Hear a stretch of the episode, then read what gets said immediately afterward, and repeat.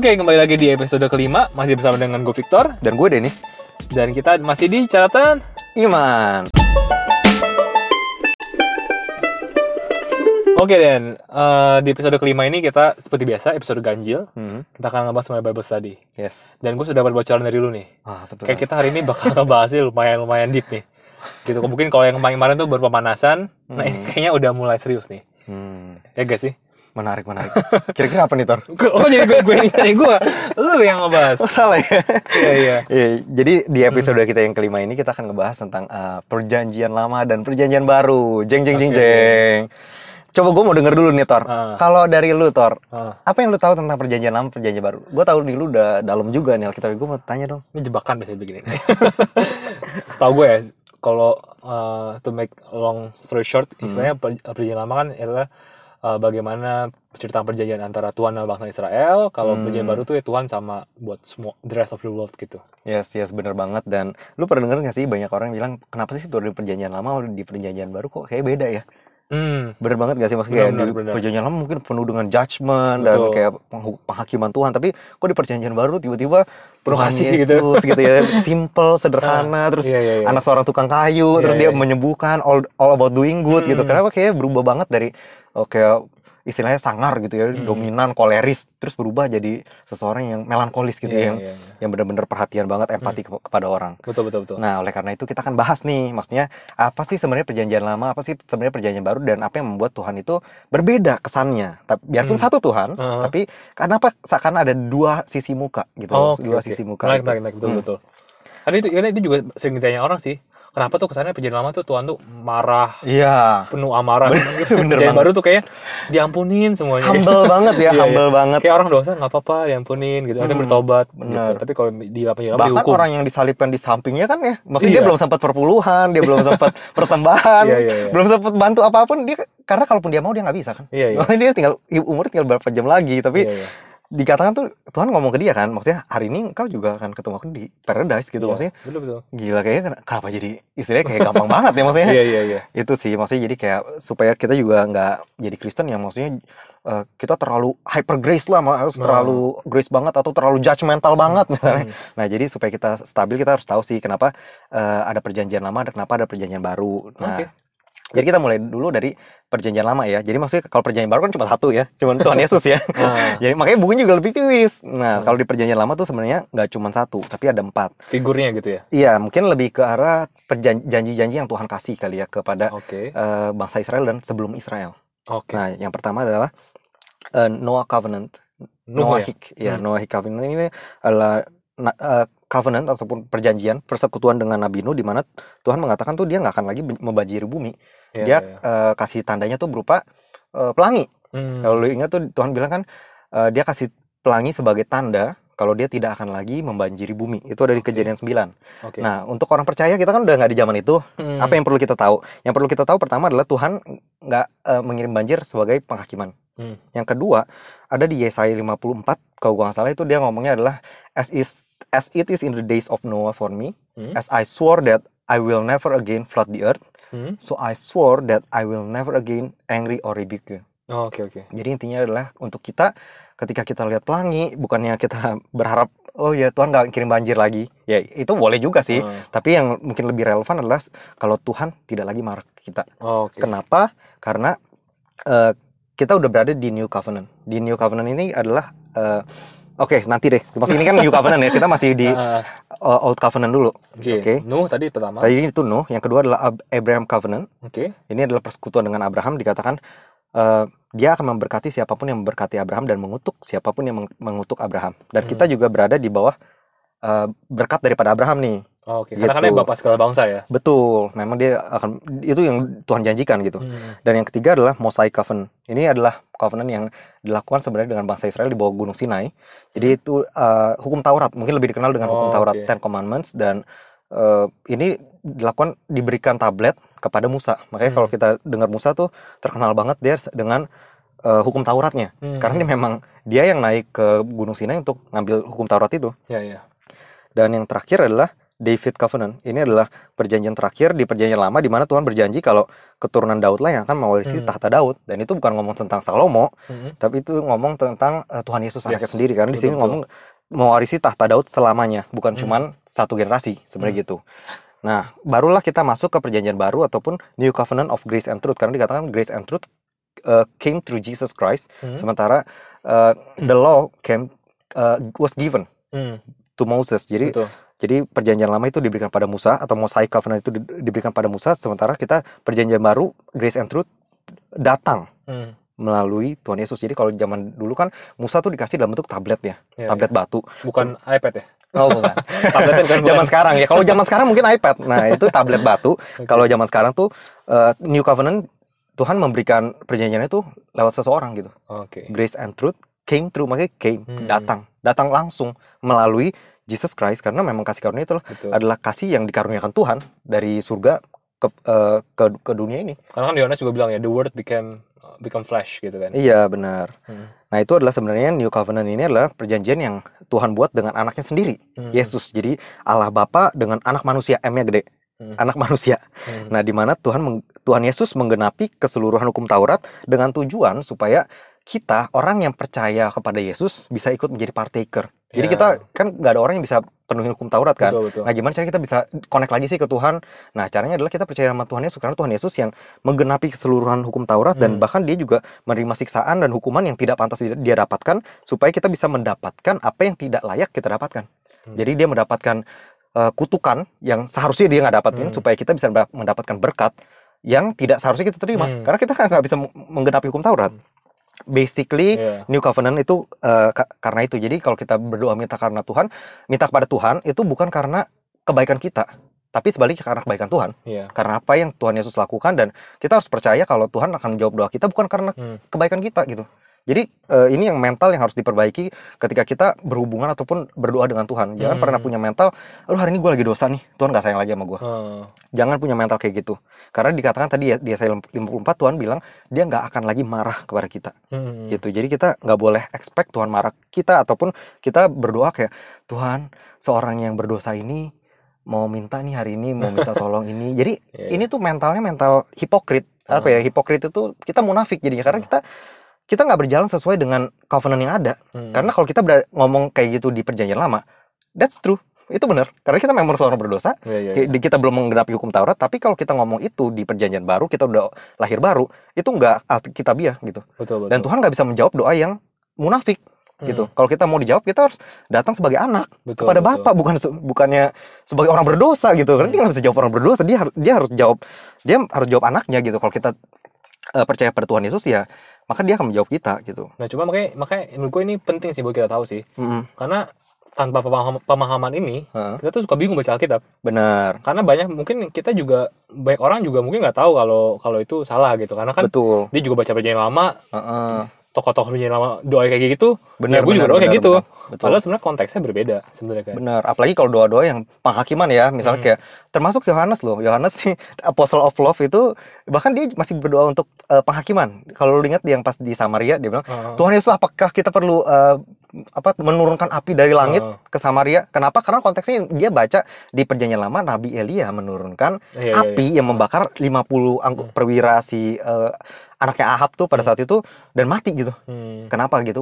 Karena dia nggak mengerti gitu. Dia nggak Hmm. mengerti bahwa dia nggak di zaman itu lagi. Ya, di ya. zaman itu kenapa itu boleh dilakukan oleh Nabi Elia? Karena memang dia sejalan dengan eh, covenant yang berlaku. Hmm. Pada zaman itu si Ahab itu kan dia menyembah berhala. Artinya apa? Artinya nggak ada sacrifice. Hmm. Karena nggak ada sacrifice, orang lah yang jadi sacrifice ya. Ngerti nggak? Jadi ketika api api turun, benar-benar api turun karena nggak ada sacrifice. Sementara Yohanes, ketika Yohanes mau ngomong itu kepada Tuhan Yesus, sacrifice-nya itu Tuhan Yesus sendiri. Jadi nggak mungkin kan dia Paulus maksud tadi ya. ya, Tuhan Yesus, Yohanes. Oh, oke. Yohanes itu kan dia bilang ke Tuhan Yesus, apakah kita perlu eh, turunkan api dari langit Oh, untuk oke, membakar oke. di kota Samaria itu? Hmm. Nah Tuhan Yesus kan marahin mereka.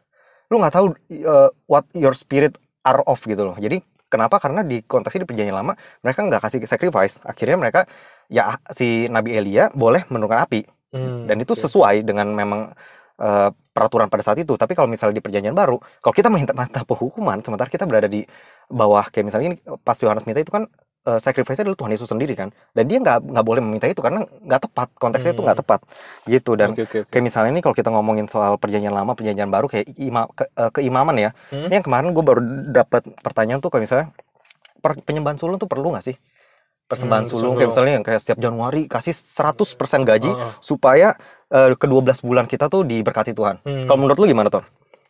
Kalau menurut gue itu konsep perjanjian lama ya. Nah itu bener banget Hmm. betul banget itu konsep perjanjian lama dan dia nanya gue itu perlu dilakukan wajib atau ada nggak sih di Alkitab ada apa enggak ada itu ada di eh, Levitical priesthood namanya di eh, di bawah keimaman Hmm. Lewi Iya, iya. gitu loh. Dan tapi apakah itu applicable buat kita? Itu pertama itu diberikan untuk orang Israel. Hmm. Itu pertama. Kedua, kita tidak berada di bawah Levitical priesthood lagi. Kita berada di Melchizedek priesthood. Hmm. Melchizedek priesthood ini yang kemudian dilanjutkan oleh Tuhan Yesus kan. Hmm. Uh, under the order of Melchizedek. Melchizedek ini adalah seorang imam yang bertemu dengan Abraham. Kalau lu ingat uh, ketika Abraham baru menyelamatkan Lot, ke- uh, dia kemudian dia ketemu berdua dan si Melchizedek ini kasih bread and wine. Dan ini gambaran daripada Tuhan Yesus kan, Hmm. perjamuan kudus. Dan si Abraham ini memberikan perpuluhan. Nggak pernah dibilang ada persembahan sulung, dia harus kasih 100% Hmm. eh, gajinya atau apa pun itu. Maksudnya Hmm. Ketika di bulan pertama itu nggak ada. Itu kurang alkitabiah lah. Dan siapa pun yang gue percaya minta hal itu, Hmm. mungkin gereja ini kurang, ah, apa ya, agak ignorance lah kalau menurut gue. Gue nggak nggak menjudge bahwa Hmm. oh gereja lu nih nggak bener nih mau bisnis nih atau apa gue gue liat banyak juga sih yang orang yang ngomong gitu tapi eh, sebenarnya menurut kalau gue sih berpikir positif mungkin si gereja ini ignorance saya dia nggak tahu kalau kita tuh maksudnya itu udah nggak berlaku lagi sebenarnya untuk orang orang percaya zaman sekarang. Tapi ya kalau misal kalian mau ngasih ya silahkan aja sih. Maksudnya nggak ada salahnya juga. Kan kita kasih ke Tuhan ya kita mendapatkan berkat lebih. Betul betul. betul gitu. Jadi cuman kalau lu merasa itu diwajibkan itu yang salah. Oh, karena oke. Tuhan nggak pernah mewajibkan itu itu yang ada tuh cuman tithing. Dan persembahan persembahan itu lebih ke arah free will offering ya. Oke, jadi jadi baik lagi sebenarnya eh pemberian itu datang datang dari hati lah ya. iya benar jadi, jadi sebenarnya kalau kan pertanyaannya wajib apa enggak ya Itu wajib, tidak wajib. sebenarnya. Cuman kalau Betul. kan kita mau ngasih dari kelimpahan hati kita ya iya masalah juga. iya go ahead itu juga lu diberkatin lebih berarti Betul betul betul. ada salahnya Hmm. gitu ya nah eh, tapi kalau gue boleh simplify yang tadi dari semua perjanjian yang ada Hmm. kan tadi ada empat tuh pertama Noah Covenant, Abraham Covenant, Mosaic Mosaic. Covenant, dan David Covenant ini di Mhm. perjanjian lama. Sementara di perjanjian baru kan eh, Covenant of Grace and Truth kan itu lebih ke arah Tuhan Yesus kan, Oh. New Covenant. Betul. Itu sebenarnya kalau mau disimplify cuma ada dua, artinya adalah conditional dan unconditional. Oh, Oke. Terus Jadi eh, bedanya adalah kalau misalnya lu baca kayak Nuh, Abra- Abraham, kemudian David gitu ya, itu Mhm. Tuhan memberikan janjinya nggak ada terms and condition. Dalam Hmm. arti Tuhan kasih pelangi nih sebagai tanda Tuhan nggak akan banjir lagi. Hmm. Kalau Nuh nggak ada kan? Oh, Oke oke. Ngerti nggak? Jadi maksudnya ya Tuhan kasih aja. Nggak Hmm. nggak dibilang kalau lu begini ntar gua kasih pelangi. Nggak ada Hmm, gitu. hmm. Itu memang pure dari Tuhan janji Tuhan kepada Nuh. Kedua kedua juga Abraham. Dikatakan dia Tuhan akan memberkati siapa pun yang memberkati engkau dan mengutuk siapa yang mengutuk engkau. Dan Hmm. itu juga dikasih Tuhan. Udah stop. Nggak ada bagian misalnya kalau lu misalnya keluar dari kota Haran di sini kan konteksnya eh, Abraham belum melakukan apa pun nih. Jadi kalau Oke. kita tahu juga sebenarnya si Tera itu bahkan ayahnya Abraham tuh penyembah berhala. Jadi kalau kita dia berdasarkan hukum, hukum Taurat, dia ini under curse sebenarnya. Dia tuh Ah. di bawah kutuk. Oh. Tapi di- dikatakan tuh dia cuma suruh keluarlah dari dari tanah eh, ke Kanaan gitu, udah di situ Hmm. doang dan dia cum- Tuhan sebelum Abraham pergi, Tuhan udah janjiin ini. Oh, Oke. Dan sebelum istilahnya sebelum Abraham ngelakuin apa pun dia udah menjanjikan hal itu dan eh, janji ini semuanya based on God's grace, Hmm. bukannya based on apa yang harus Abraham lakukan untuk bis- bisa mendapatkan ini. Oke oke. Gitu. Itu maksudnya perjanjian unconditional. Oh. Sementara kalau Mosaic Covenant itu lebih ke arah conditional. Hmm, oke. Conditional yang dimaksud adalah misalnya eh, kalau misalnya Israel mau diberkati, mereka harus menggenapi seluruh Hmm. Ten Commandment dan tambah-tambahannya. Hmm. Mereka harus eh, benar-benar pure menggenapi semuanya atau mereka berada di bawah kutuk. Oke. Karena itu hukum. Oh. Hukum Taurat lo nggak bisa bilang, ya udah deh gue selesaiin sembilan. Yang satu Hmm. nggak usah ya, Oh. nggak bisa. Sama kayak kita hukum di Indonesia aja. Iya iya iya. Either way lu masuk busway sama lu nabrak orang lu tetap dihukum maksudnya iya kan maksudnya lu tetap salah Hmm. lu nggak bisa bilang ya udahlah gue cuman masuk busway ini gue nggak nggak nabrak siapa-siapa Hmm. nggak bisa lu tetap ditilang lu tetap salah gitu loh Betul. itu maksudnya hukum ya hukum hukum itu unbending gitu sementara kalau misalnya kayak tadi gue bilang Noah Abraham dan Daud juga Daud dijanjikan untuk eh, bahwa keturunannya akan menjadi raja di atas tahta Daud selamanya Oh. tanpa dibilang tapi lu bikin gue dulu ya bikin gue Hmm. rumah nggak ada Iya iya iya. dan akhirnya juga tahu tahu bahwa yang bikin rumah Salomo bukan Betul. Daud Tapi Dengan menyelesaikannya. ya? bener, tapi Daud ini dikasih janji seperti itu oleh Tuhan. Hmm. Gitu, itu namanya unconditional. Sama bedanya tadi eh, conditional. Kalau conditional itu yang kayak hukum Taurat, sementara unconditional itu lebih ke arah kebaikan Tuhan. Gitu aja sih Thor Hmm. Itu, sebenarnya basically. Eh, pentingnya gimana tuh? Pentingnya kita untuk mengetahui conditional dan unconditional itu maksudnya. itu penting banget karena kalau kita masih punya mental sebagai seorang yang conditional dengan Tuhan, Hmm. artinya kita hanya bisa meminta berkat kalau kita sedang hari ini benar. Misalnya, Hmm, oke. gua nggak ngelakuin dosa hari ini, berarti gue bisa minta berkat. Hmm, Kalau oke. gua hari ini eh, ngebohong nih sama orang, Hmm. dosa dong. Nah, berarti kita punya mental apa? Berarti Tuhan nggak bisa berkatin gua.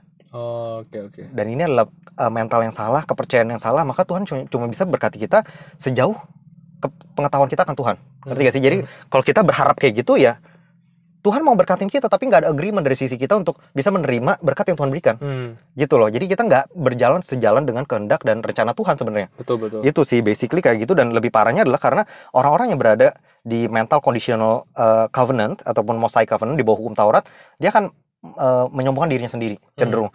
Gue bisa kok, gue bisa kok ini ini ini ini dan akhirnya ini berujung pada judgmental. Hmm, Ngerti nggak? Jadi ketika orang ngelakuin dosa, kita nggak nggak kasih kasih karunia kepada Hmm. orang itu karena kita pikir gue juga begini kok, Hmm, gue juga begini. Gue tuh diberkatin karena gue pantas loh. oh, oke Dan oke. gua- kita nggak bisa terima ketika orang lain yang kesannya dia lebih nggak pantas dan dia dipakai Tuhan misalnya. Hmm, Iya kan? Hmm. Gue lebih rajin puasa sama kayak orang Farisi. iya, Ngerti iya. nggak? Akhirnya Oke, apa? oke. Orang Farisi ini nggak bisa nerima eh, mujizat dari Tuhan loh. Sementara para pendosa bisa terima. Lucu kan? Hmm, Harusnya kan mereka lebih holy bener gak sih? Tapi ternyata nggak gitu karena memang eh, kalau di hukum Taurat tuh kan lebih ke arah behavior modifications, beru- merubah perilaku, tapi tidak merubah hati. Kalau Oke. New Covenant ini lebih ke arah merubah hati. Hati dulu yang diubah, barulah eh, perilaku itu mengikuti. Sebenarnya gitu sih. Cuma yang penting ada pertanyaan nih, Dad. Apa tuh? Berarti tapi eh, David Covenant itu kan juga berarti juga dalamnya masih berlaku Mosaic Covenant kan? Masih, Saat benar. David ini jadi kayak ya Betul. David Covenant itu di dalam Betul. David Covenant berada di dalam hukum Taurat. Oke. eh, under Mosaic Law juga Oke oke. gitu. Dia Jadi masih Mosaic berada- Law sampai zamannya Yesus lah ya. sampai zaman Tuhan Yesus benar. Oke, oke. Itu juga akhirnya memenuhi eh, David Covenant. Hmm. Jadi Tuhan Yesus itu mengenapi Mosaic dan David Covenant kan. Oh, Karena oke. dia kan akan menjadi eh, mewarisi tahta Daud selamanya gitu. Hmm. Tapi belum sekarang, tapi Hmm. nanti karena sekarang dibilang tuh Tuhan itu eh, seated at the right hand of God ya, maksudnya di tangan kanan Tuhan dan on God's throne, bukan David's throne. Jadi itu bedanya Oke oke. gitu. Nah, tapi kan Den, eh, kenapa kok gitu Tuhan kasih hukum Taurat gitu? Maksudnya kalau memang nggak ada yang bisa memenuhi itu, Hmm. kenapa Tuhan kasih itu hukum Taurat itu ke bangsa Israel gitu? Apa artinya Tuhan nggak mau bangsa Israel selamat atau? Nah, justru eh, sebenarnya bukan, justru Hmm. eh, hukum itu diberikan supaya manusia tahu kalau mereka berdosa. Karena nggak akan ada pelanggaran tanpa ada hukum. Benar nggak sih? Di misalnya di Roma 5 dikatakan bahwa dosa udah ada di dunia sebelum hukum Taurat. Tetapi Hmm. dosa tidak diperhitungkan selama tidak ada hukum Taurat. Hmm. Jadi intinya adalah hukum itu bertujuan sebenarnya lebih arah supaya manusia tahu loh, ini salah, ini salah, ini salah, ini salah. Dan kemudian dia sadar bahwa dia itu Hmm. berdosa itu pertama. Kedua dia itu eh, sadar bahwa dia itu membutuhkan seorang penyelamat. Karena dia nggak bisa menyelamatkan dirinya sendiri. Oh, Oke. karena tanpa ada kesadaran ini Tuhan Yesus bisa turun dan gone begitu aja ngerti gak sih? Karena Hmm. manusia kan nggak sadar gua nggak butuh.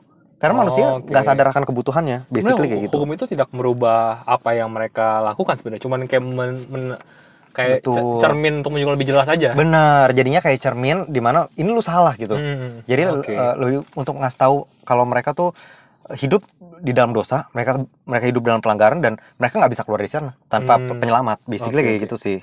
Oke. Mm-mm. Tapi tujuannya bukan untuk menyelamatkan mereka, Hmm. gitu. Justru untuk apa ya? Supaya mereka sadar lah kalau me- me- kebutuhan mereka kan penyelamat, gitu. Oke oke oke. Nah di Keluaran 19 ayat 8 ini Hmm. eh, ketika Mosaic Covenant dimulai nih, Hmm. mereka orang Israel itu merespon ber- bersama berkata bahwa we will do everything the Lord has said. Hmm. kita akan melakukan apa pun yang Tuhan katakan dan ini kesannya tuh kayak humble banget ya kayak obedience banget Iya, iya. gitu Taat tapi gitu ya. sebenarnya sebenarnya yang dia katakan tuh eh, lebih ke arah we are able to do whatever the Lord has said wow beda loh maksudnya Hmm. ketika kita bilang eh, kita akan melakukan apa yang Tuhan katakan sama kita bilang bisa gitu kita ya. mampu melakukan apa pun yang Tuhan katakan itu Mhm. beda loh maksudnya jadi ketika manusia eh, ngomong itu pada Tuhan ya oke go ahead maksudnya Oh. Tuhan uh, accept the challenge, dia kasih hukum Taurat. Dan lucunya, bahkan sebelum Musa turun dari gunung, kalau kita tahu kisahnya bahwa si Harun udah bikinin molded calf. Oh, Oke. Si Harun udah bikinin lembu emas gitu. Dipaksa kan? Iya dipaksa sama orang Israel. Hmm. Lucunya sebelum hukum Taurat ini eh, diberikan, eh, maksudnya diberikan pada Musa, mereka nggak pernah loh ada bacaan di Alkitab bahwa mereka suruh bikin eh, molded Hmm. calf, nggak pernah. Lucunya ketika mereka mulai masuk ke covenant ini, bahkan sebelum eh, tablet tersebut diberikan, mereka udah punya keinginan itu. Hmm. Ngerti nggak sih? Ini Iya, iya. ini inilah maksudnya hukum Taurat tuh gitu, menunjukkan siapa diri lu sebenarnya. Hmm, bahkan oke. Sebelum lu eh, istilahnya dia belum terima aja, dia udah melanggar hukum yang pertama, jangan ada hal-hal lain. Dan Dia Hmm. udah ngelakuin itu. Oh, Jadi amazing banget. Maksudnya tuh eh, itu yang membedakan sih. Maksudnya ketika kita menyombongkan diri kita ya, kita akan jatuh padahal yang kita sombongkan. Hmm. Itu pertama. Dan lucunya adalah eh, mereka nggak sadar kalau misalnya mereka tuh sudah masuk ke Mosaic Covenant kan. Padahal kalau kita tahu, kita baca kisahnya tuh sebelumnya Tuhan itu ketika membawa mereka keluar dari tanah Mesir ya, Iya. Tuhan tuh selalu suplai mereka loh. Mereka Hmm. lapar dikasih mana, mereka eh, aus dikasih air dari dari batu, kemudian juga eh, apa laut merah tuh dibelah, Hmm. kemudian juga eh, kalau kita kalau kita lihat tuh kalau pas siang Tuhan tuh bekerja sebagai pillar of cloud dan Hmm. kalau malam tuh pillar pillar of fire supaya mereka itu nggak kepanasan atau nggak kedinginan gitu. Begitu Jadi luar biasa ya. luar biasa banget. Dan kenapa ketika mereka setuju tiba-tiba ton Tuhan berubah? Tuhan turun, kemudian dark cloud yang ada di Gunung Sinai tiba-tiba awan gelap, penuh gemuruh dan bahkan dikatakan uh, smoke of fiery furnace maksudnya kayak berapi dan Hmm. uh, asapnya tuh uh, parah banget ngebul Hmm, hmm. sampai semua orang tuh takut gitu bergemuruh Hmm. dan Tuhan juga merubah perkataannya dia dia mulai bilang don't come near lest you die Hmm. jangan mendekat atau mati bahkan even a beast come will die Heeh. even a beast bisa apa salahnya Heeh. apa salahnya se- seorang binatang gitu loh Heeh. binatang datang menyentuh gunung tersebut mati bayangin sebenarnya sebelum sebelumnya Tuhan ada di tengah mereka dan nggak kenapa-napa tapi kenapa ketika mereka masuk ke persekutuan yang baru Tuhan langsung berubah Hmm. ingat ini udah masuk ke jadi ini yang kita harus eh, tahu ketika mi- misalnya kok Tuhan berubah ya Hmm. nah j- lu jangan bilang Tuhan itu ada dua Hmm. Tuhan itu ada satu tapi Tuhan tuh bekerja berdasarkan per- persekutuan yang ada Tuhan itu justice Hmm. ingat jadi kalau memang Tuhan eh, belum memberikan hukum Taurat lu kan belum tahu apa-apa Heeh. ya dia based on grace dong Hmm. kan lu you don't know better gitu Hmm. tapi tapi sekarang eh, lu udah setuju lu udah masuk ke kontrak yang baru so to speak gitu dan lu udah setuju kalau lu akan memenuhi standar Tuhan Hmm. untuk bisa mendapatkan berkatnya kalau lu nggak bisa memenuhinya ya lu dapat kutuk Hmm. Oke. oke. ini namanya conditional ada term and condition ya dan oleh karena itu di sini juga mulai masuklah Levitical priesthood dan lain-lain maksudnya mereka harus bawa eh, setiap tahunnya misalnya kayak im- imam besar tuh masuk ke ruang maha kudus lah terus Hmm. dia harus burn offering peace offering trespass offering dan lain-lain gitu maksudnya ada ada lima offering harus mereka taati nah ini tujuannya untuk mengorganisir mereka juga gitu sebenarnya Oke. Nah, Oke. Oke. jadi sebelum sebelum masuk ke Mosaic Covenant mereka itu mengeluh tapi nggak ada yang mati ya Hmm. maksudnya mereka minta dikasih terus sama Tuhan tapi begitu mereka masuk ke conditional covenant atau Mosaic Covenant ini Hmm. Musa turun ngelihat mereka menyembah idols 3000 orang mati Which sebenarnya sebenarnya ini juga perubahan ini juga bukan karena Tuhan semena-mena gitu. Sebenarnya karena mereka pun setuju gitu kan ya. bener karena mereka yang malah mereka yang okein kan dia Ah. apa pun yang Tuhan minta oke maksudnya bring Oke. it on gitu loh maksudnya kalau dia bilang dia nggak setuju sebenarnya Tuhan juga nggak bisa maksudnya Tuhan kan bekerja berdasarkan persekutuan kan maksudnya Hmm. dia untuk persekutuan ya lo harus setuju maksudnya kalau- Israel menolak ya masih based on grace sebenarnya Hmm. cuman masalahnya di sini Israel juga setuju gitu Oke, dan oke, akhirnya oke. setelah mereka setuju ya ujung-ujungnya ketika eh, Musa turun mereka memberontak mereka bikin, bikin molded calf tiga tiga ribu orang mati Hmm, Oke ya ya. Wow, ini namanya di uh, Ministry of Death kalau kata Paulus. Hmm. Ministry of Death nih. Ini kan, karena mereka udah mulai dari ber- beralih dari unconditional menjadi conditional. Dari pure grace yang tadinya pure kebaikan Tuhan, sekarang kepada effort mereka untuk mendapatkan kebaikan Tuhan. Hmm. Itulah perubahannya. Jadi mungkin- ini mungkin ini mungkin apa ya? Membantu kita juga untuk melihat dari perspektifnya bangsa Israel kali ya. Hmm. Karena maksudnya ter- terkadang kan banyak orang melihat dari sisi luar tuh kayak Tuhan kok kejam banget ngebunuh Hmm. 3000 orang gitu. Tapi kan sebenarnya mereka nggak tahu gitu kalau sebenarnya kalau dari perspektif bangsa Israel mereka sudah ada dalam suatu perjanjian Iya, benar. Mereka udah di perjanjian yang memang udah mereka setujui gitu dengan Hmm. Tuhan. Dan akhirnya kita sama-sama tahu setelah 1500 tahun Tuhan kasih jangka waktu, coba ada nggak yang bisa ada nggak yang bisa memenuhi eh, hukum Taurat dari dari orang-orang dari manusia?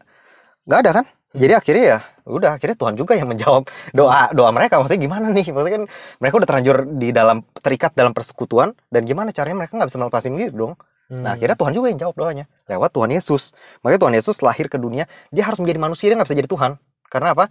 Karena kalau dia Tuhan dia nggak bisa mewakili kita dong. Iya. Dia harus jadi manusia, dia harus jadi manusia di antara orang-orang Israel juga untuk bisa eh, untuk bisa mewakili bangsa Israel pada saat itu bisa mewakili manusia untuk menggenapi keseluruhan hukum Taurat supaya manusia bisa kembali connect dengan Tuhan. Hmm. Supaya manusia kalau kita percaya melalui Tuhan Yesus ya, Tuhan Yesus itu menjadi jembatan benar-benar jadi jembatan untuk kita bisa connect kembali pada Tuhan. Nah, coba ini, ini ada dua pertanyaan trivia nih. Apa tuh? Pertama adalah kayak eh, berarti selama 1500 tahun itu Mm-mm, kan kan nggak ada yang bisa mengenapi itu hukum Taurat. benar. Itu artinya mereka semua nggak diselamatkan atau gimana tuh? Mereka out- of course kalau gue sih percaya maksudnya mereka sama masih ada diselamatkan oleh karena iman mereka atau eh, Hmm. iman kepada Tuhan. Gitu contohnya misalnya kayak kalau kita Daniel ya Daniel tuh berada di bawah hukum Taurat. Hmm. nah dan tapi dikatakan bahwa Daniel juga orang yang righteous orang yang benar. Hmm. tapi apakah dia melakukan keseluruhan hukum Taurat? I don't think so. Kenapa? Karena dia sendiri berada di bawah captivity. Benar gak sih? Dia di bawah captivity berarti dia nggak bisa memberikan persembahan dong Hmm. ngerti ya? Berarti dia harus mengikuti peraturan yang ada. Maksudnya dia nggak bisa Oke. kasih persembahan. Misalkan eh, Tuhan minta tuh Levitical priesthood kan dia harus kasih burn offering peace offering offering. Nah masalahnya dia under captivity. Hmm. berarti dia nggak bisa dong ngelakuin itu. Hmm, Iya oke. kan? Dia dia harus ikutin peraturan yang ada. Tapi dia tetap beriman pada Tuhan. Dan dikatakan tuh Daniel tuh berdoa. Hmm. nah doa ini sebenarnya bukan postur dari perjanjian lama. Ini postur dari perjanjian baru di mana kayak Tuhan Yesus itu berdoa gitu. Maksudnya Hmm. doa kepada Tuhan. Tapi ya kalau kita ngomongin doa itu dari postur perjanjian lama atau perjanjian baru kan kurang menjawab ya sebenarnya. Cuman ya kalau menurut gue sih eh, si Daniel ini diselamatkan oleh iman juga. Kenapa? Dari mana? Kita kalau kita sama-sama orang magi itu yang datang kepada eh, Tuhan Yesus tuh itu rahasianya tuh magi itu sebenarnya Persia Persian jadi astrologers itu astrologers ini yang sebenarnya di bawah eh, apa ya di bawah, Daniel itu kan menjadi the apa ya the leader of Hmm. the wise man astrologers dan lain-lain kan. Nah itu sebenarnya eh, kalau gua baca mereka tuh tahu the wise man ini dari mana. Wise man ini bisa tahu kelahiran Tuhan Yesus karena Daniel kasih tahu. Daniel udah Oke. prediksi. Artinya apa? Artinya Daniel mendapatkan gospel yang sama dengan kita. Mendapatkan Hmm. good news yang sama yaitu Tuhan Yesus. Maksudnya dia tahu bahwa akan ada penyelamat dan dia percaya. Dan Hmm. itu yang membuat mereka selamat. Kalau gue gue percaya itu itu Oke, jadi jadi terlepas daripada mungkin mungkin mereka tidak bisa menghadapi semuanya, tapi karena memang iman iman mereka iman mereka kepada Tuhan. kepada Tuhan, benar. ya tetap, tetap menyelamatkan mereka ya, gitu ya. tetap menyelamatkan mereka. Nah, pertanyaan kedua tuh kayak ini banyak orang sih yang nanya sih, maksudnya kayak ehm, ya kan Yesus kan datang 1500 tuh. Hmm. 1500 tahun setelah Mosaic Covenant Hmm. diberikan oleh Tuhan kan. benar Nah, ah, mungkin gini, ada ada yang bertanya tuh itu nggak kelamaan gitu ya. Maksudnya kan, kan kasihan gitu bangsa Israel 1500 harus hidup dalam hukum yang begitu ribetnya gitu. Satu sisi ada yang bilang ini kelamaan gitu. hmm. Tapi ada satu sisi ada yang bilang kayak harusnya lebih lama lagi gitu. Mungkin harusnya Yesus tuh datang mungkin tahun 2000 gitu kan. Hmm. Pas masih ada video, masih ada foto. Jadi kayak Ah. bukti-buktinya lebih jelas gitu. Tuh, Ah. menurut tuh gimana tuh deh? kalau menurut gue sih sebenarnya kayak gue bilang bahwa Tuhan udah kasih time frame-nya dari awal Hmm. Eh, pertama tujuannya supaya eh, Tuhan mau kasih manusia tuh coba dulu Oke. kan itu kan perjanjian kan Hmm. coba lu bisa eh, penuhin nggak Hmm. ketika mereka coba dia gagal gagal gagal gagal akhirnya mereka sadar gitu eh kita Hmm. nggak bisa men itu kita udah coba ber- beribu-ribu tahun gitu nggak bisa. Makanya eh, dikasih dulu jeda waktu 1500 tahun. Itu Oke. pertama. Yang kedua time frame ini udah diberikan dari tabernacle Musa sebenarnya. Jadi kan di zaman dulu kan Tuhan suruh dia bikin tabernacle kan. Eh, ada outer court ada inner court sama eh, holy of holies. Hmm.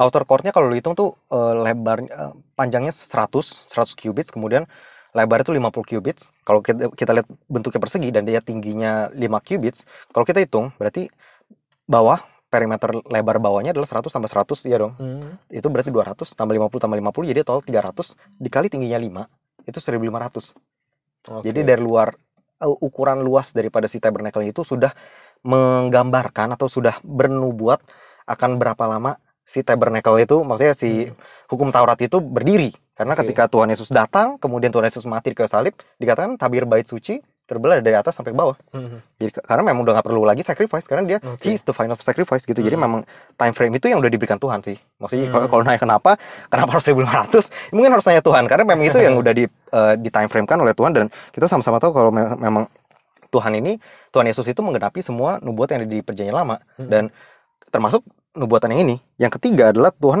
menjanjikan pada Daud bahwa keturunannya akan mewarisi tahtanya kan? Tahta Daud selamanya. Dan dibutuhkan seorang Maria dan seorang Yusuf. Kenapa gue bilang dibutuhkan seorang Maria dan seorang Yusuf? Pertama mereka sama-sama takut akan Tuhan. Kedua mereka sama-sama royal line of David. Kalau misalnya Yusuf itu keturunannya daripada Salomo. Hmm. yang jadi masalah dia nggak bisa mewarisi keturunan Salomo ataupun keturunan Daud dari eh, kepada Tuhan Yesus. Kenapa? Karena ada istilah kakek-kakeknya si eh, si Yusuf itu namanya Jekonaya. Jekonaya ini dikutuk sama Tuhan. Istilahnya semua keturunan lu nggak akan I will blot out gitu. Oh, nggak akan ada lagi di tahta kerajaan Daud dan akhirnya kan gimana caranya supaya eh, Tuhan Yesus tetap bisa menjadi eh, hak ahli waris daripada tahta Daud karena kan untuk menjadi raja lu harus menjadi Iya. ahli waris. Akhirnya diperlukanlah Maria. Hmm. Maria bukan cuma karena dia benar, tapi dia juga karena alasan lainnya adalah dia dia anak Heli. Heli itu adalah keturunan daripada Nathan. Nathan itu adalah anak Daud yang lain. Oh, Oke. Jadi dia dapat double claim kepada throne of David dan itu yang membuat gue percaya salah satunya kenapa harus 1500 tahun mungkin maksud gue tuh Tuhan nggak nggak selalu eh, istilahnya tangan Tuhan tuh nggak oh ini ya gua dicomot gitu loh maksudnya Oh. Maria sama sama Yusuf nih disengaja biar biar eh, merit gitu nggak juga karena itu free will karena memang sebelum malaikat, malaikat datang si Maria sama Yusuf memang udah berencana menikah gitu Hmm. dan uh, what a coincidence untuk mereka adalah dulunya royal heir dan juga uh, itu yang membuat Tuhan Yesus bisa naik ke tahta Daud. Hmm. Kenapa? Kalau di situ juga ada kisahnya tuh. Kalau misalnya cewek kan sebenarnya nggak bisa mewarisi tahta ya kan. Ah, Nah, Maria kan cewek. betul. Gimana caranya dia bisa mewarisi tahta? Itu karena ada di ada anak-anak Zelofehat. Anak-anak Zelofehat ini cewek semua. Akhirnya dia komplain ke Tuhan. Gimana nih maksudnya apakah harta hartanya harus dikasih ke saudaranya laki-laki sementara dia kan anak-anaknya? Hmm. Nah akhirnya dari situlah ditambahin hukum baru di mana kalau misalnya seorang ayah nggak punya anak laki-laki Hmm. jatuhlah ke anak perempuan. Oh, jadi bisa Ma- ya. Jadi akhirnya si Maria bisa itu rahasianya tuh. Jadi Oh, oke. itu the wisdom of God gitu loh. Bener-bener sih itu sih kalau semua sudah direncanakan ya. Iya itu udah direncanain dari awal sih. Oh, Oke, gitu. oke. Eh, berarti istilahnya kan dengan dengan kedatangan Tuhan Yesus berarti Ah. kan dia su- em, menandai adanya perjanjian baru kan. Betul. Nah, itu artinya apakah yang hukum yang lama ini sudah hilang atau gimana tuh, Den? Eh, Tuhan tuh menggenapi hukum Taurat bukannya meniadakan.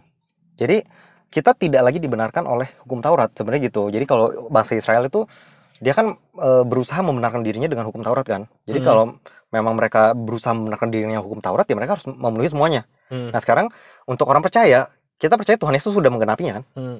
Dan dikatakan bahwa kita udah kita udah nggak berada di bawah perjanjian lama. Oh, Ini oke. dibilang tuh ministry of death. Maksudnya kita nggak harus lagi melakukan semuanya itu nggak harus lagi membawa sacrifice ke tabernacle gitu. Hmm. Maksudnya nggak nggak harus lagi itu nggak nggak perlu lagi karena memang selama kita udah percaya Tuhan maka eh, kita disucikan oleh darahnya dan terlebih daripada disucikan oleh darahnya Tuhan Yesus juga memberikan kepada kita tuh Roh Kudus yang menjadi eh, coach kita gitu Hmm. coach kita untuk menjadi seperti menjadi seperti dia sebenarnya Hmm, basically menjadi seperti Tuhan dan kalau di perjanjian lama eh, Allah Bapa demand ataupun menuntut kayak misalnya lu harus te- te- tetapkan hukum-hukumku. Nah, sementara kalau kita di perjanjian baru Tuhan kasih spiritnya untuk eh, dia dia men- untuk dia menuliskan hukumnya di di eh, pikiran kita dan eh, di hati kita kita, ya. gitu Ah, ah, ah. Hmm, dalam bentuk Roh Kudus sih basically Hmm, Oke, oke. gitu. Nah, itu di ada ayatnya di Ibrani 10 dikatakan bahwa this is the covenant I will make with them after Mhm. that time I will put my laws in their hearts and I will write them on their minds.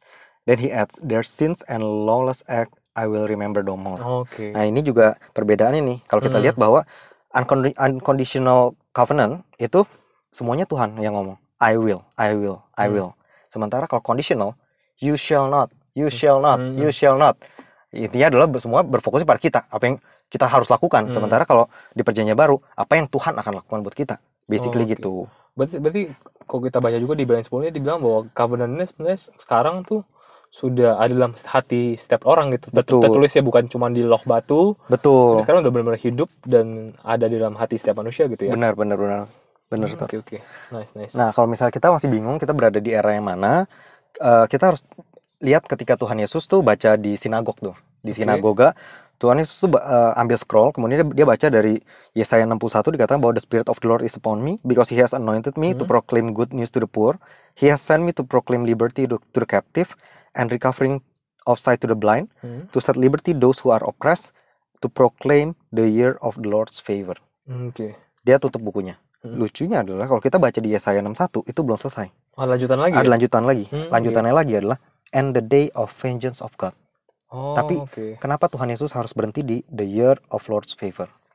Karena Tuhan Yesus belum datang kedua kalinya untuk menunjukkan the day of vengeance of God. Oke. Oke. Jadi di mana kita berada sekarang? Kita berada di year of the Lord's Favor. favor. Kita belum ada di bawah penghukuman. Kita masih dalam uh, windows of grace di mana kita percaya ada 2000 tahun dan kita udah semakin dekat dari kematian Tuhan Yesus kan Hmm. udah mau 2000 tahun nih.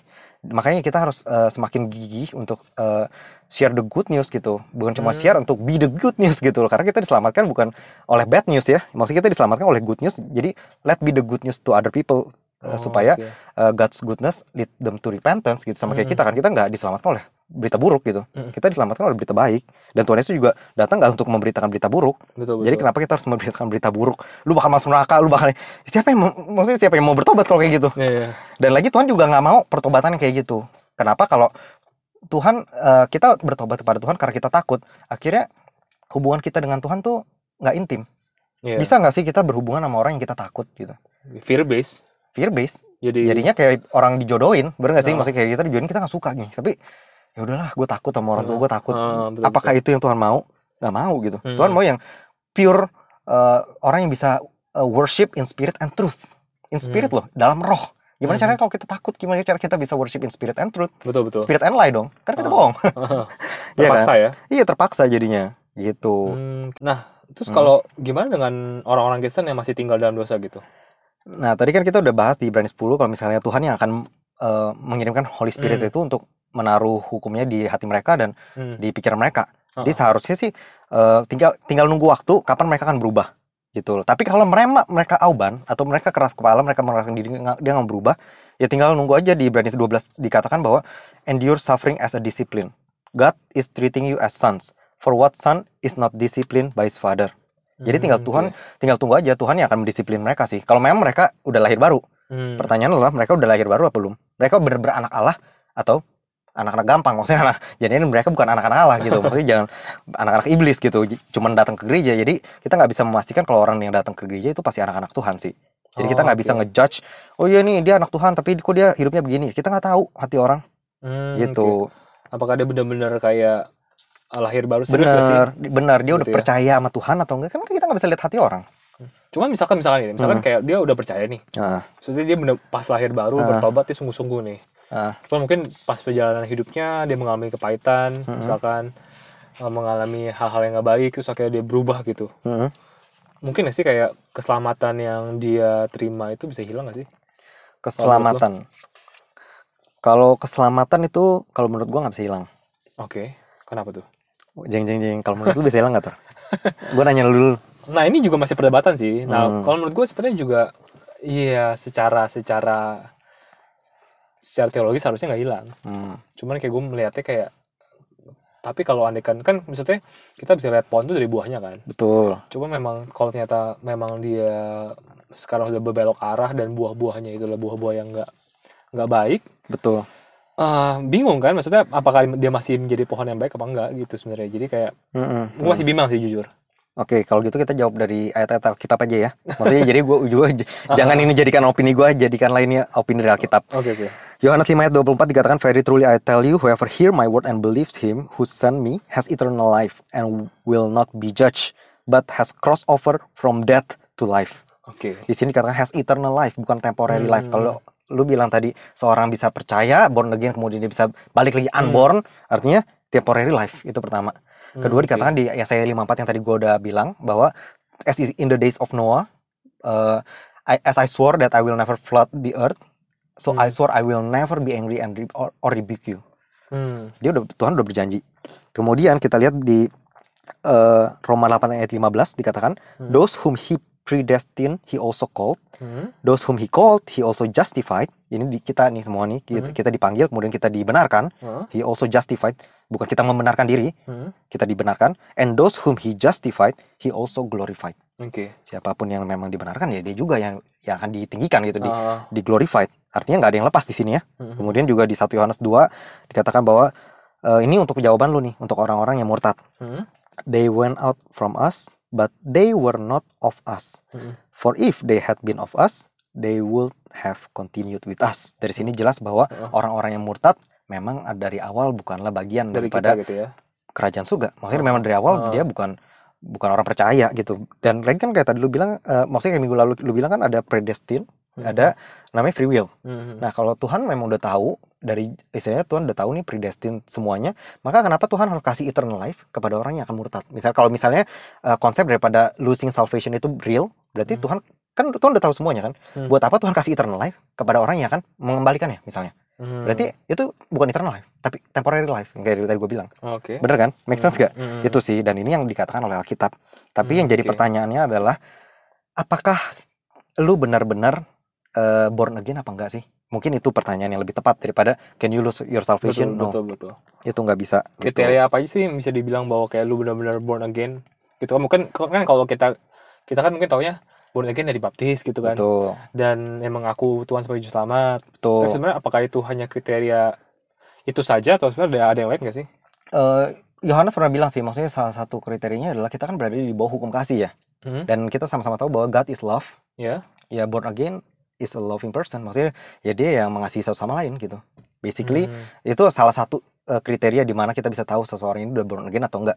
Orang yang unloving ya dan misalnya nggak ada perubahan ya, gue nggak bilang baru dia jadi Kristen tiba-tiba dia jadi loving person. Of Hmm. course ada proses juga. Tapi kalau memang kita lihat setelah dia menjadi Kristen dia lebih parah, dari sekarang kita bisa tahu sih maksudnya memang dia belum punya Roh Kudus. Karena Roh Kudus ini akan mengcoach mereka. Bahkan dikatakan tadi gue bilang kan kalau memang mereka anak-anak, maka Tuhan sebagai bapaknya akan mendisiplin mereka. Hmm. Tujuannya bukannya supaya lebih buruk, tapi supaya lebih baik. Nah, kalau orang menjadi lebih buruk, nah ini pertanyaannya adalah apakah mereka benar-benar udah born again atau belum? Itu Hmm, sih.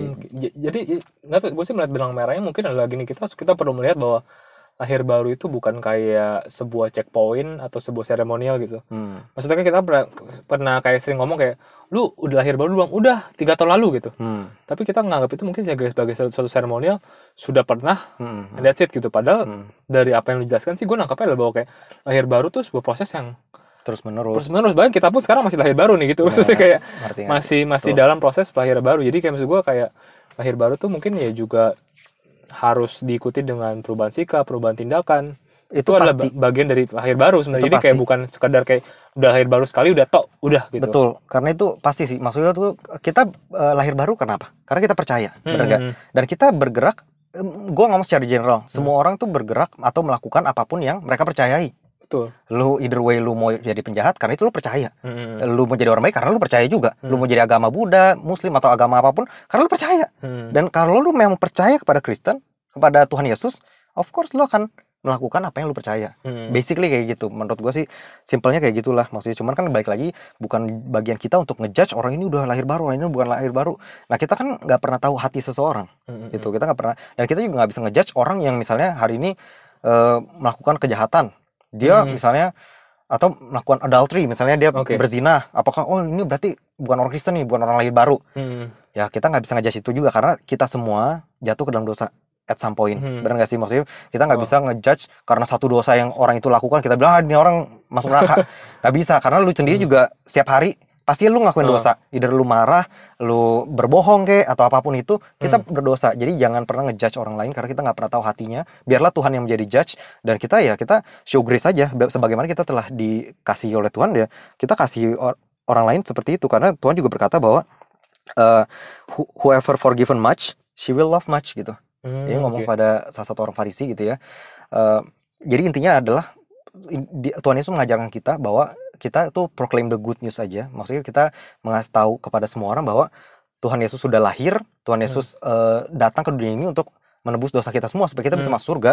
Hmm. Supaya bagi mereka yang percaya dan mereka yang percaya eh, bahwa mereka sudah diampuni, sudah pasti hasilnya adalah berdasarkan kata Tuhan Yesus bukan kata gua. Hmm. Whoever forgiven much, she will love much Iya, iya. ini yang jadi uh, rema buat kita semua mungkin Betul, jadi betul, maksudnya betul. kita uh, ketika kita uh, proclaim the good news pada orang lain jangan ngomonginnya dosa lagi dosa lagi dosa lagi karena Tuhan Yesus itu lebih besar dari dosa Betul, betul, betul. kasih karunia itu lebih besar dari dosa jadi kenapa kita nggak ngomong kasih karunia Tuhan supaya orang itu sadar kalau misalnya Tuhan tuh begitu sayang sama mereka Tuhan tuh udah memaafkan mereka begitu apa ya begitu dalam gitu Hmm, loh Betul.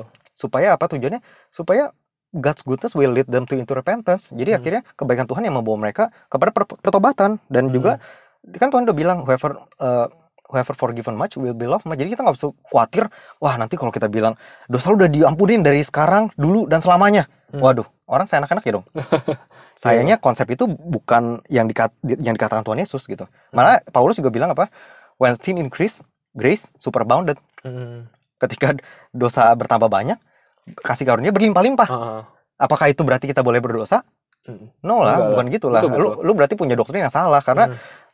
Diibaratkan kalau misalnya kasih karunia Tuhan itu sebagai bapak lu lu hidup nggak benar sampai ke titik di mana dia harus menyelamatkan lu daripada eh, suatu kecelakaan misalnya dan dia mati terus dia bilang sin no more jangan maksudnya I love you dia berkata, dia berkata bahwa eh, dia mengasihi lu Hmm. bahkan di detik terakhir jangan berdosa bukan karena eh, dia bukannya karena dia benci maksudnya Hmm. sama lu kalau lu berdosa tapi dia membenci karena dosa ini menghancurkan lu Iya iya iya. Dan lu balik lagi gitu setelah lu lihat orang tua lu mati di depan mata lu karena dosa dosa yang lu perbuat kemudian lu balik lagi. Hmm, ada yang salah dengan pikiran itu. Betul betul. itu ada yang salah gitu. Jadi marilah kita sama-sama uh, showing grace to other people karena uh, the windows of grace ini udah deket banget. Dan setelah ini selesai kita akan masuk and the vengeance of God Hmm, jadi nggak usah berdoa Tuhan hukum orang ini hukum orang ini nggak usah itu akan datang gitu.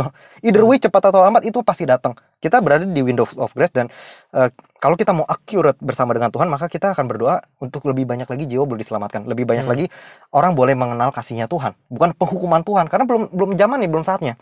Hmm, dan kita juga nggak perlu berdoa untuk penghukuman bagi misalnya orang-orang yang eh, mungkin belum bertobat ya karena Iya. memang menurut gua tuh sekarang belum zamannya untuk justru kan kita harus ber- ber- apa berharap mereka diselamatkan. Hmm, jangan berharap mereka dihancurkan gitu. Hmm, betul, bayangin kalau di zaman kita ada orang yang berdoa kayak gitu tentang kita. Ah, ah. mau nggak? Nggak mau kan? Iya iya. ya maksudnya ya sebagaimana Tuhan Yesus berlaku kepada kita marilah kita lakuin itu pada orang lain. Dan uh, the time of uh, Windows ini udah dekat banget dan marilah kita pakai waktu yang sebentar ini dengan seefektif mungkin. Hmm, gitu aja sih Tor wow. Hmm.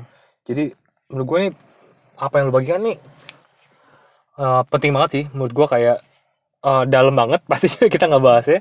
Hmm. Cuma gue kayak satu satu kesimpulan yang mungkin bisa gue ambil ya. Hmm. Mungkin nanti bisa tambahkan Hmm. juga. Jadi kayak kita perlu banget tahu di zaman apa kita hidup sekarang gitu. betul Bahwa kita di zaman hidupnya hidup di zaman grace, Grace kasih karunia kasih karunia bahwa kita nggak nggak hidup di zaman dulu lagi gitu, zaman eh, perjanjian gitu. betul betul Di mana karena menurut gue beda banget loh cara berpikirnya. Betul. Kalau kalau sekarang tuh kita istilah kita berbuat baik atau kita uh, melakukan apa yang Tuhan mau tuh karena respon gitu. Iya respon gitu. betul. Bukan karena demi kita mau achieve something supaya it. acceptable buat Tuhan Betul. tapi karena kita sudah di accept sudah accept gitu. Betul. Jadi makanya makanya menurut gua kayak that's why kenapa kayak kita kita di, di, di gereja tiap minggu mungkin bosan kali. Mungkin orang lain nggak ngerti nih. Hmm. ah masa bosan banget kayak tiap minggu di, dikasih tahu bahwa kita harus tahu pengorbanan Tuhan disalib Hmm, segala macam hmm. kayak aduh bosan banget. Tapi sebenarnya Hmm. Itu penting gitu. Karena Penting. dengan tahu itu kita jadi tahu gitu sebenarnya betapa besar kita udah dikasihi betul. betapa besar kita sudah diampuni betul. dan berapa besar kita harus sebenarnya ngasih itu ke orang-orang sekitar kita. Benar. Gitu. Jadi dan ini menurut gue juga jadi encouragement buat juga buat kita semua sih terutama orang Kristen supaya kita karena kita banyak banyak dikenal sebagai orang yang judgmental gitu. Betul. Sih? benar benar orang benar Kristen banget tuh orang yang merasa paling bener segala macam Benar. tapi justru dari apa yang lu sampaikan ini benar-benar kayak uh, juga um, mengingatkan gue sih Mm-mm. supaya gue juga jangan fokus ke judgmental betul fokus pada justru membagikan kasih Tuhan Hmm, Gitu. bagi ada yang nambahin nggak Din? Benar banget dan gue percaya bahwa kasih karunia inilah yang akan membawa seseorang kepada kekudusan.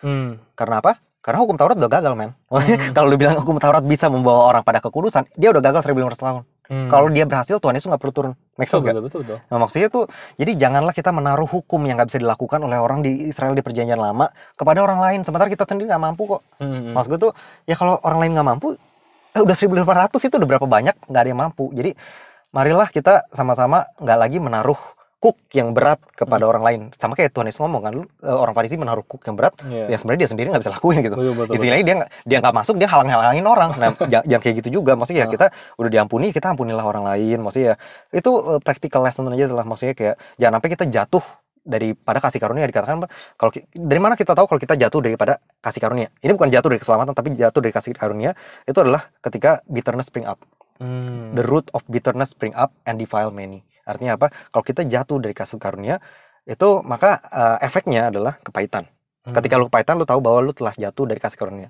karena apa lu berdasarkan demand lagi berdasarkan Hmm. tuntutan gua, lu berharap orang itu kayak gimana sementara Iya, iya, iya. kan gua udah begini ini orang nggak Hmm. Nah itu jadinya kepahitan. Dan itu juga adalah ada ayatnya di mana bahwa kalau kita eh, di Galatia 5 ayat 4 dikatakan you who are trying to be justified by the law have been alienated from Christ. You have fallen from grace. Jadi kita Hmm. jatuh dari dari kasih karunia menjadi balik lagi menjadi hukum Taurat. Hmm. Menjadi hukum Taurat itu berdasarkan gua gua gua. Gua udah begini. Kan kayak Iya, tadi iya, gue bilang iya. kan, gua udah begini. Jadi kita berharap orang gitu. Hmm. Coba kalau kita mikir Tuhan udah begitu loh ke gua. Hmm. Wow. Jadi gue juga mau mengasihi orang bukan karena orang ini, tapi karena Betul. Tuhan. Nah itu bedanya. Jadi kalau grace itu supply, sementara kalau misalnya uh, hukum Taurat itu demand. dia tuh Oke. menuntut kita itu aja yang pengen gue tambahin dan mudah-mudahan memberkati dan bisa Wow. kita bisa hidup di era di mana memang kita berada sekarang gitu Ya, jangan ya, terus ya. judgmental ke orang jangan terus istilahnya Hmm. berharap judgment lah buat ini buat itu mari kita berharap supaya lebih banyak lagi jiwa boleh diselamatkan dan juga para pemimpin ya maksudnya supaya mereka juga diselamatkan gitu jangan Ya, ya, jangan cuma hancur ngarep para pemimpin Hmm. gitu karena kalau memang para pemimpin itu bisa diselamatkan dia infek apa efeknya lebih luas kan? Betul betul bener betul. gak sih? Maksudnya kenapa kita nggak berharap supaya mereka juga diselamatkan daripada mereka dihancurkan? Betul gitu betul. maksud gua sih. Dan Wow. ketika kita minta ke Tuhan ingat bahwa Tuhan melihat kita sebagai anak. Bukan karena kita tapi karena kita berada di dalam anaknya. Hmm. di dalam Tuhan Yesus. Jadi kita bisa expect supaya Tuhan itu menjawab kita. Wow. Kita bisa expect itu. Jangan lagi expect Tuhan marah kita. Hmm. karena udah ada janjinya oke udah clear jadi kita nggak perlu lagi doa-doa kayak Tuhan jangan marah lagi dong gua berdosa apa itu berarti lu hipokrit Hmm. lu munafik karena lu nggak berada di mana eh, di perjanjian di mana lu berada sekarang Hmm. gitu itu aja sih Oke. Good. I think uh, kita udah belajar baik banget mengenai hal itu semua. Dan semoga setelah dengerin podcast ini kita jadi lebih jelas bisa melihat uh, perjanjian baru dan zaman di mana kita berada. Oke. Amin. Uh, buat para listeners yang masih bingung-bingung atau punya pertanyaan-pertanyaan lain bisa tanyain langsung kita di Instagram kita Hmm. ada di catatan iman.id. Aha. Lu juga mungkin kalau ada penasaran mau nanya langsung ke Dennis bisa di mana dia? At Dennis.Johan atau di gua, gua at Victor Aditya. Oke, so uh, sekian buat Bible study kita kali ini. Semoga teman-teman gak pusing. Semoga teman-teman diberkati semuanya. Dan have a great weekend. God bless God bless.